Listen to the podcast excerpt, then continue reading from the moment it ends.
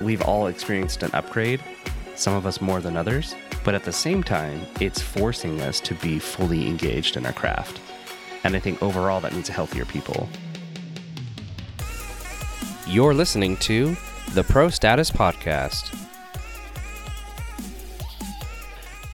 Amy Poehler. My new movie, Disney and Pixar's Inside Out 2, is coming to theaters June 14th, and it's making me feel joy and sadness oh. and anger, definitely some disgust, Rose, and I think a little fear. Ah! But I'm also feeling these new emotions like anxiety, embarrassment, envy, and ennui. Ah. It's what you call the boredom. Okay, that one was weird. It's gonna be the feel everything movie of the summer. Disney and Pixar's Inside Out 2, rated PG, parental guidance suggested. Only in theaters June 14. Get tickets now. Well, guys, I'm Drake, I'm Jesse. and welcome to the first Pro Status episode of 2021. We made it through 2020. Yeah, I think in our, our last episodes we we definitely talked about like opening church and how to how to approach that and kind of a process with all of that stuff. And then we just stopped talking. I think we were just tired of talking about Corona. Yeah, and I also think we got busy. Yeah, for sure. I mean, I don't I don't know about you, but I felt like 2020 was one of the busier years of uh was one of the busier years for us. And it just looked different. We weren't eventually it was one of the busiest, yes. we weren't doing live events, but we were doing a lot more other things. Yeah, ironically, I think the the the thing that took most of my time was people thinking they knew what they were doing and telling me how to do my job and having to educate or figure out how to do things only to realize they have no idea what they're doing. It Yep. made my job a lot harder. Yep. I can see that for sure. Well, to uh, start things off, what has been your favorite or the best technology that you've played with in 2020 last year? Oh my gosh. I mean, people are going to talk about all the cool virtual tools. I guarantee it. And I don't know if I have one. I mean, ATEM Mini Pro and its cool, amazing features. Um, you know, that was pretty epic. The streaming bridge, which finally came out with it, uh, is also really amazing. A lot of the camera control features there. Um, a lot of these virtualized web based platforms, they're all beta, but they all have a unique angle and it's really exciting. So I, it's really hard to pick one one thing that I'm excited about just because there's an area of the market that was slowly growing and now it is catapulting. Yep. I have my favorite tech. Well, you go first. Well, it's pretty obvious. The Red Komodo that came out in Oh, yeah, 2020, duh. so that's that's pretty easy Yeah, to talk about. that is good. Also, another example of a product that's epic and awesome, but is still in development. Yeah. Still, they're still working out the kinks, but it still works pretty well. Yeah. I agree. It's it's definitely working. It's it's pretty cool. It's very cutting edge. Um, what I do like is it, it definitely hits the it responds to the market's desire of having a affordable pro level pro cinema level camera. It's supposed to be the crash cam of cinema, but Uh, it's, yeah, it's, epic. I mean, originally developed by Red for Netflix to have a GoPro style camera that matched because GoPros, I guess in in Netflix, you can only have like ten frames of GoPro at a time, something like that. I'll look that up, but it's Well, if you guys didn't know, Netflix has a whole approved camera list, and to be featured or to be to have a movie or something on Netflix, you have these certain requirements. Uh, yeah, the camera list is, um, for Netflix originals. Mm-hmm. But there is still requirements if your stuff wants to go on Netflix. You have to hit certain requirements. But the approved camera list is if it's a Netflix original, so you can shoot it on whatever. Um, if it's not, Interesting that they set the quality standard based on hardware, or at least I'm sure that's a part of it. But I'm I'm just yeah, I mean, uh, so it, the main thing is, is like a Netflix original has to be 4K or above. So all the cameras on the list are 4K. The other thing, all the cameras shoot RAW. So that's kind of like the other thing is like you have to have RAW capabilities. Um, Yeah.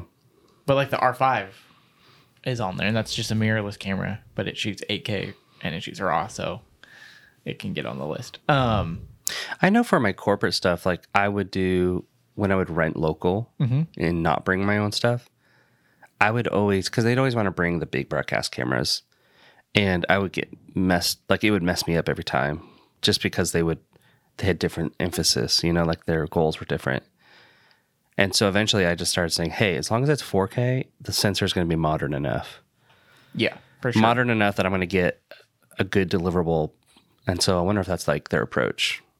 It, it possibly, um, but I think going back to what we're saying is part of the thing with using the GoPro is it's a crash camera. You can put it anywhere, it's super wide, and you can destroy them. Doesn't really matter. But Netflix only allowed a few frames or a few seconds of that image because of how bad it was. So I guess they figured out if it's only in here for X amount of frames, it doesn't look that bad, or it's not as noticeable.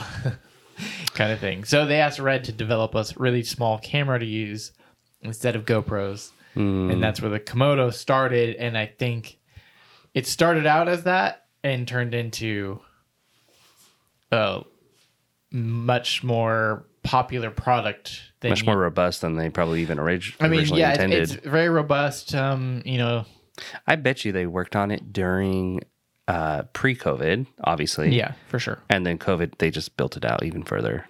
Well, I think that they were, as they were developing it, they got excited about what they were seeing with the global shutter and all that, those things. And so they realized this could be so much more. And yes, it still will be used as a crash camera for a lot of Hollywood films. Um, you mount it on your helmet or any of those kinds of things where you can't put like a full size camera. Oh gosh, for car mounts type stuff, uh, it's going to change the game. Yeah, exactly. Even gimbals and drones, it's so much lighter and smaller, so you're not having to like have. I mean, you might gimbals. actually be able to mount one on an Inspire. I'm sure someone will try. It's still pretty heavy, but but yeah, I could totally see that. I remember when the micro studios came out for Blackmagic, that was one of the advertised Mm-hmm. potentials. It's like, oh, you could put this on a on a drone and fly it around with these cheap little MFT lenses. yeah, the bummer with the micro studio was is it just didn't do well outside of a controlled environment. Yeah, I mean, one of the products I love and hate the most. Is micro studio? Mm-hmm. Yeah. We still sell them. We still use them. They're they're fantastic in a studio. There's such a narrow chunk of the market, but they do really well at those little things. But there's so much potential there. Mm-hmm. Yeah. Drives me freaking nuts. Give us what we want, Blackmagic. I know. well, let's look at um Actually, so for the record, if I had to choose a product that was the thing I'm probably most excited about, it probably is the streaming bridge. And the reason why is because, yes, you have to have an ATEM Mini Pro, uh, but it is one of the cleanest, easiest ways to send um, basically a live stream as a live source, ultra low latency, without using servers or any complex systems, routing tools, whatever. It just uses public Wi Fi or public internet. And you can go point to point with a full quality 16 megapixel, 16 megabit video stream um, with a really low latency. I mean, completely usable for an interview. It's probably, uh, it's no more delayed than using like a remote guest feature on like live stream or something, live stream studio. Um, but it's actually cheaper and easier and better quality. So sweet. yeah, it, it has some really amazing potential um, for a lot of use cases. Sounds like fun. Sounds like we need to play with that more. Yeah, I actually have two of them just because I knew they were hard to get. And so um, I have some to do some additional testing. But yeah, it's crazy. People are using them for interviews and things like this remotely instead of using a cloud based service. They just kind of do it local. And that's how they're able to get a more broadcast, remote broadcast feel um, or workflow. but more of an in studio look. Right. Yeah. So you still have like your professional lower thirds and your keys and your like all that stuff is still intact. Sounds like we got to play with that more. Mm-hmm. It's pretty dope. Maybe on the next episode we can remote chat in with uh, the streaming bridge and I wonder. it- I wonder right if Chad here. bought one. I wonder if he has one of these. well, I don't know, probably. We'll Should ask him. send him one and then make him live stream in. All right. Well, what was your favorite uh like video shoot or production of 2020? My favorite shoot. What did we do? Oh, we went to Michigan. Yeah, that was my favorite Oh for yeah, sure. by far our favorite. yeah, the Cory Asbury shoot that we did on his loft roof. Downtown Yeah. Kalamazoo. If you haven't seen it, it'll be in the show notes, but Oh yeah. it, that was an incredible shoot. Yeah, I, it was that was an interesting shoot. Um, a lot of stairs. Oh my gosh, we yeah, lots of literally stairs. we literally walked up a spiral staircase. Well, first of all, it's a tiny building downtown. Then you go through this little tiny elevator up into an apartment, and then you had to carry all this gear up through this tiny spiral staircase onto a roof. And oh man, those poor walls. Yeah, they got dinged up a little bit. Uh, Liam and I probably touched every piece of gear that went up that spiral staircase. We took a PA up, up there. We brought a SD9 console up there, a ton of lights, power. Yeah. There's a lot of stuff that we. It was up that. awesome. I think it was cool because it was definitely a rooftop shoot, which is, you know, it's kind of trendy, but not overly trendy. Mm-hmm. Um, it looked fresh. We actually had, I think what was really exciting was like the dynamics of lighting using the natural, like sunset, the Yeah. placement of like features in the background. We had Mm-hmm. a, a church steeple. Um, we, we what was really cool was the textures, like to shoot outdoors, and we had not only a, a, a scenic view, Mm-hmm. uh, but we also had texture of a brick, and then from another angle, we had a completely Different, different wall. wall, Yeah. and the, it just really and and because it was outside with all like natural lighting and just like similar vibe, it really like it still came together. It felt cohesive, not frag fragmented. Yeah. And we used the ARRI 5Cs, L5C, I think. That's ARRI's like LED color changing light. We had 12 Yeah. of those. I mean, the best part was they were bright enough to compete with when we were still shooting in sunlight. There was still enough light on the face, and then uh, obviously as it oh got dark, yeah, that it was really like- cool. It they obviously provided a ton of light. Yeah, that was that's very notable. I don't think we were changing settings at all. We weren't changing settings as exposure changed because mm-hmm. everything was just so dialed. So we actually did a rehearsal before the day before, so we knew approximately where exposures would be, mm-hmm. so that it stayed consistent during the whole shoot. So it didn't matter that the background or the sun was setting; it was always going to remain constant, which meant we had to have really good lights. Yeah, we had 12 of the ARRI 5C, L5C, and then we had eight of the Chroma Q 72, Color Force 72 version 2. Um, the version 2 is so much better than the version 1. And that was it. That's all that we had for the lights, and it provided a lot of light on the, our stage, which is our rooftop. Um, and we were able to compete with the sunlight, which is impressive, and then at night, we it was just really bright, which is awesome. Um, and so it did like it lit up that concrete wall, it lit up that other wall. Um, you know, the buildings in the background had their light, so even though the sun set, all those lights were still lit up. So that was fun. Created some bokeh and all that kind of stuff too. So it turned out really well, and we actually used Red Gemini's thinking we might need the low light. Never ended up using the low light because we had plenty of light up mm-hmm. there, and like Jesse said, we weren't really changing exposure. We weren't really changing our iris or anything. If anything, I think a couple of the guys had NDs on to help a little bit with the sun coming straight into the camera, and then they just removed their ND as the sun went away. um, but they weren't really changing anything else besides that. Yeah, I think you're right. I think also, um, yeah, it, yeah, it was just beautiful silhouettes. But the Gemini's, it was all handheld. All handheld. Yep. I had an easy rig. Did anyone else have an easy rig? No, your rig was the largest um, because you had the Sigma Cinema 50 to 100 lens Which is very, very heavy and with a heavy camera. with a heavy camera. Um, you had the follow focus and everything. So the Easy Rig definitely helped. The rest of the guys were using, uh, two of them were using old Nikon, uh, like vintage lenses. One was a 25 and one was a 20 mil. And then the other guy was using a Canon 24 to 105. mm-hmm. I know, right? Old. We always People dog hate on, on, that, that, thing, lens, but, it's uh, like we've used it in some of our favorite shoots, and it still works out really good. So we kind of had a wide variety of lenses. Um, we shot Rec 2020, um, Yep. which also helps with the outdoor, oh the man, highlights and everything. that's probably the first impl- implementation of tw- Rec 2020 that actually paid off.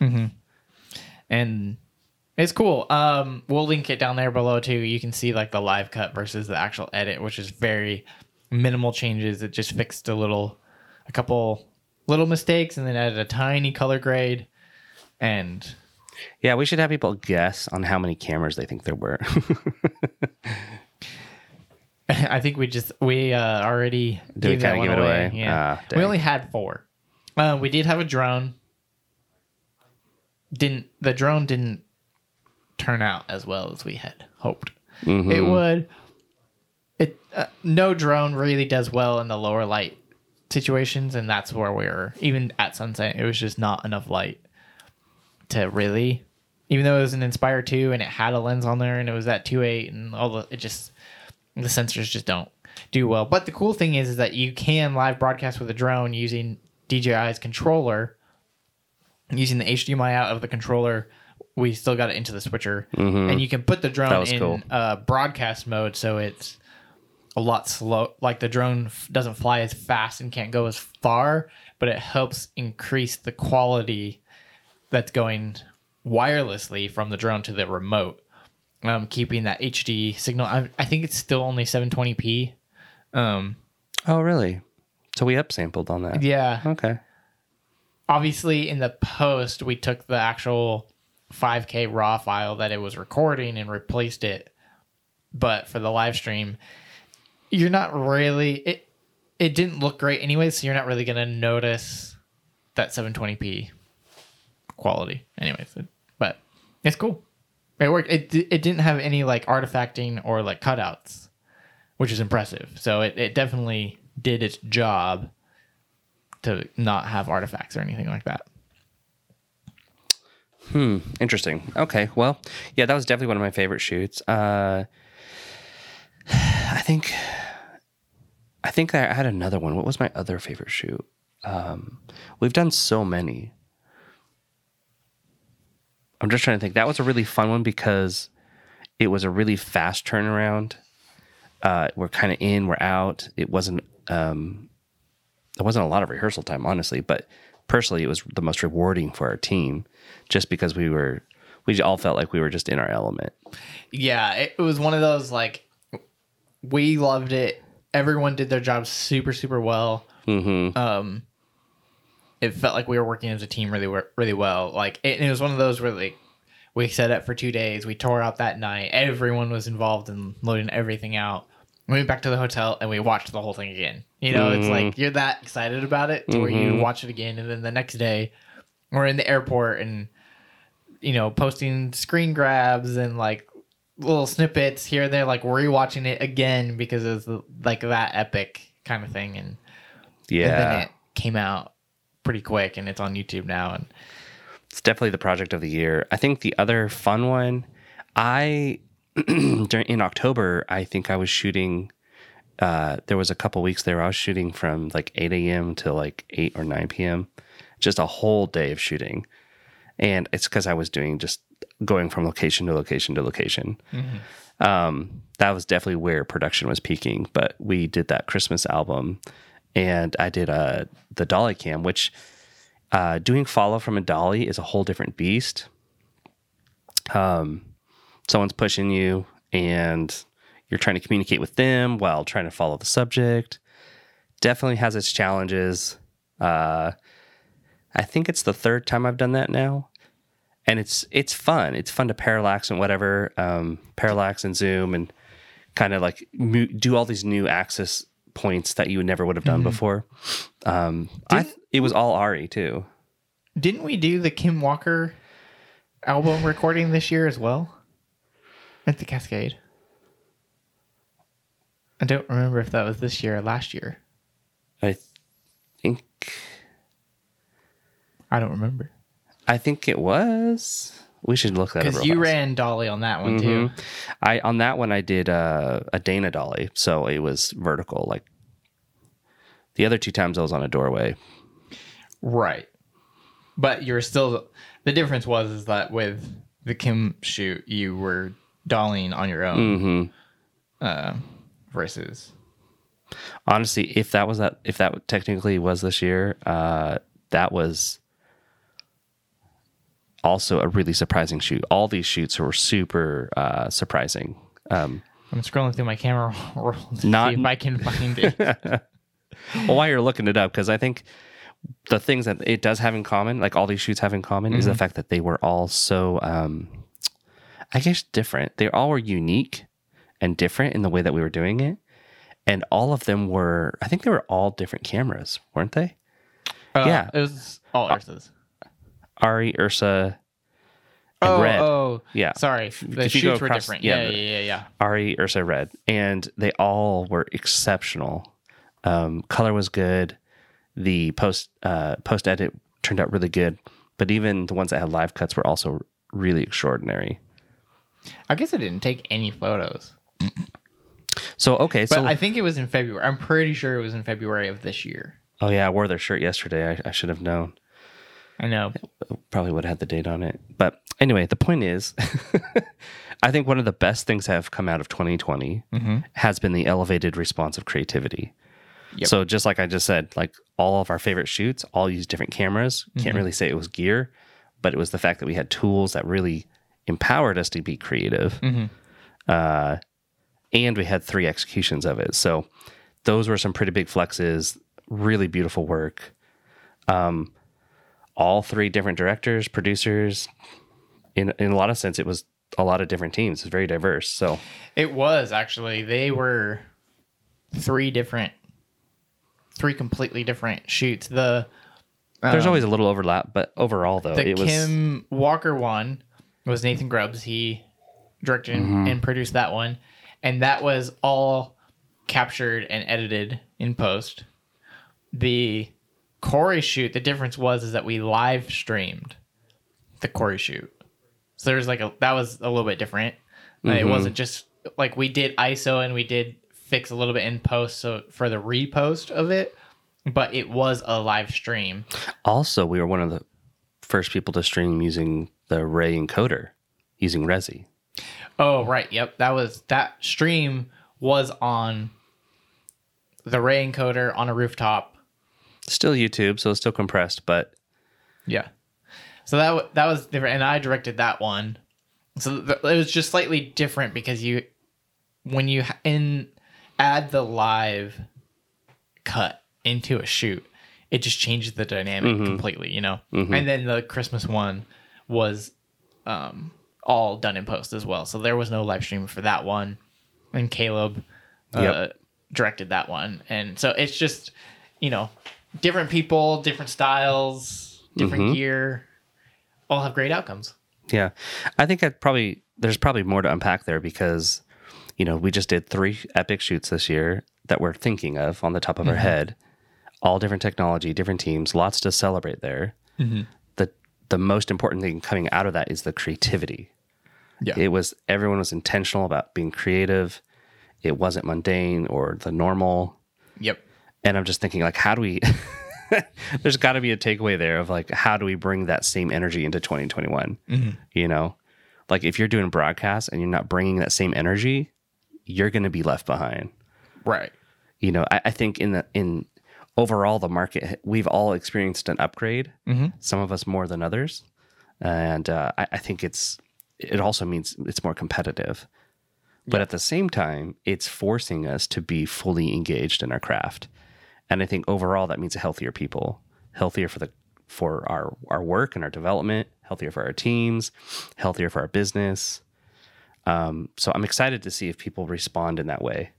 Like, do they choose to be inspired by their previous work and creating a new normal if you want to be relevant to the language?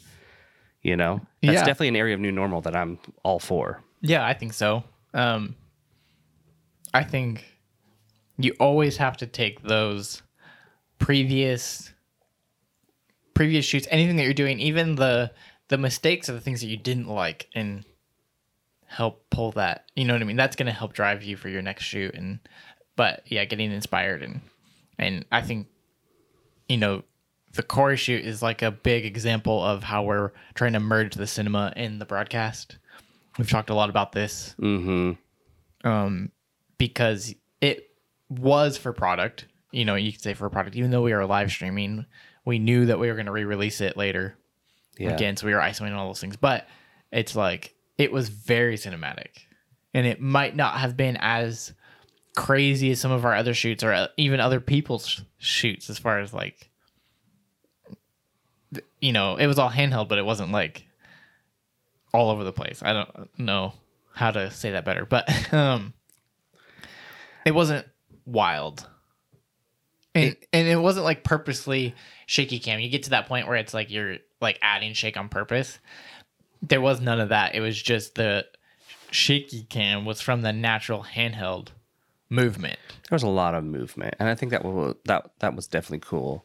It was uh, it was funny watching us too because it was like a dance, man.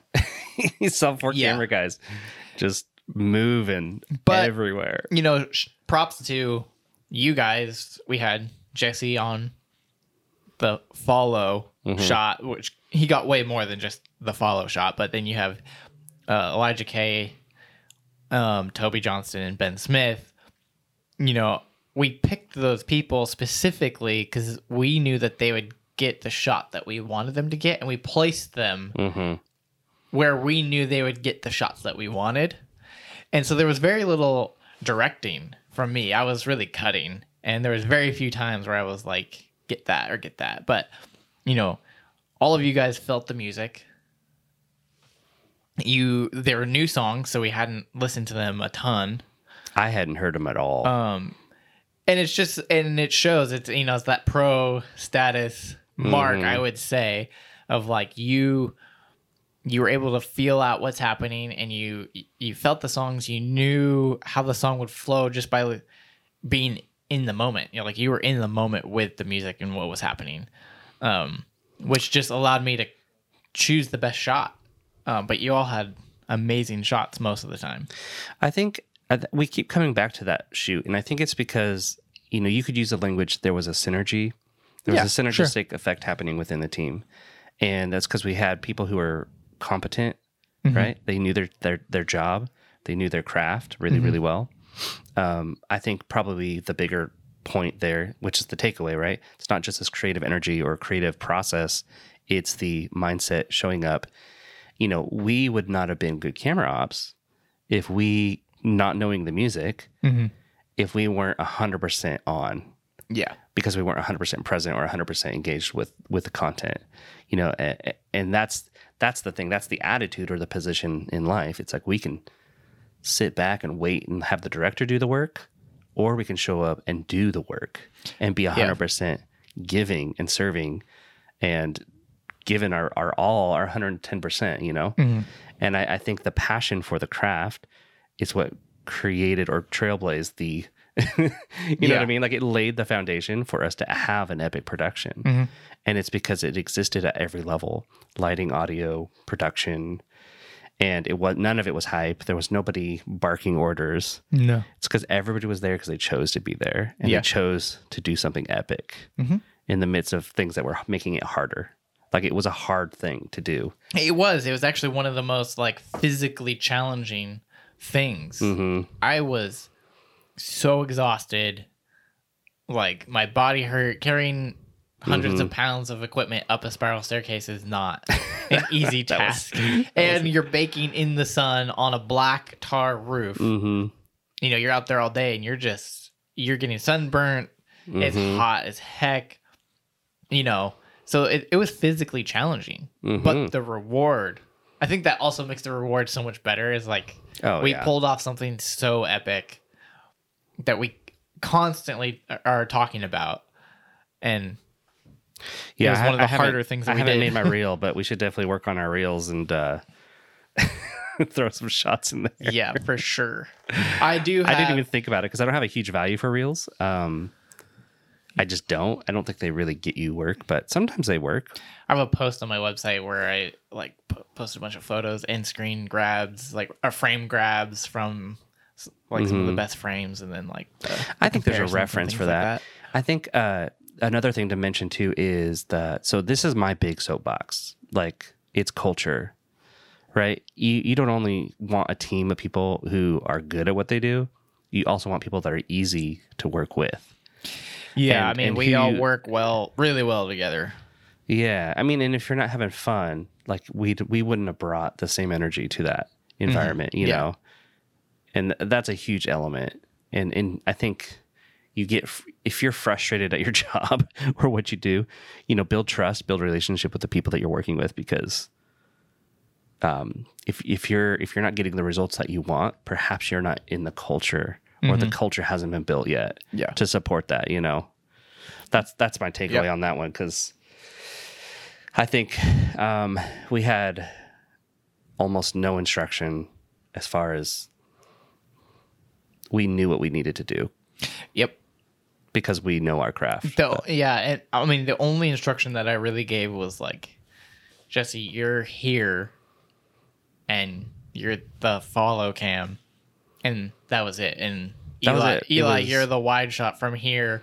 Toby, you're, you know, here, and Ben, you're over here. Here's your home home base. This Yep. is where you start. Yeah.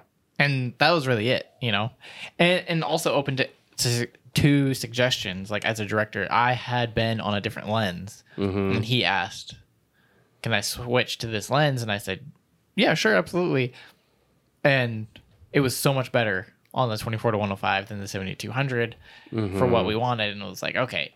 So you, as a director be open to feedback because you know. Yeah. And I think the other difference is too, all of you are editors Mm-hmm. as well and directors, and so you think about the post cut, you think about what the director's doing and the, what the editor's going to be doing while you're shooting. Because I do that when I'm shooting, and Mm-hmm. it's those little things like waiting a couple seconds longer, even after I'm I've cut off of you to leave room for the edit. You know what I mean? It's like all those th- things that we just do naturally we don't even have to think about anymore.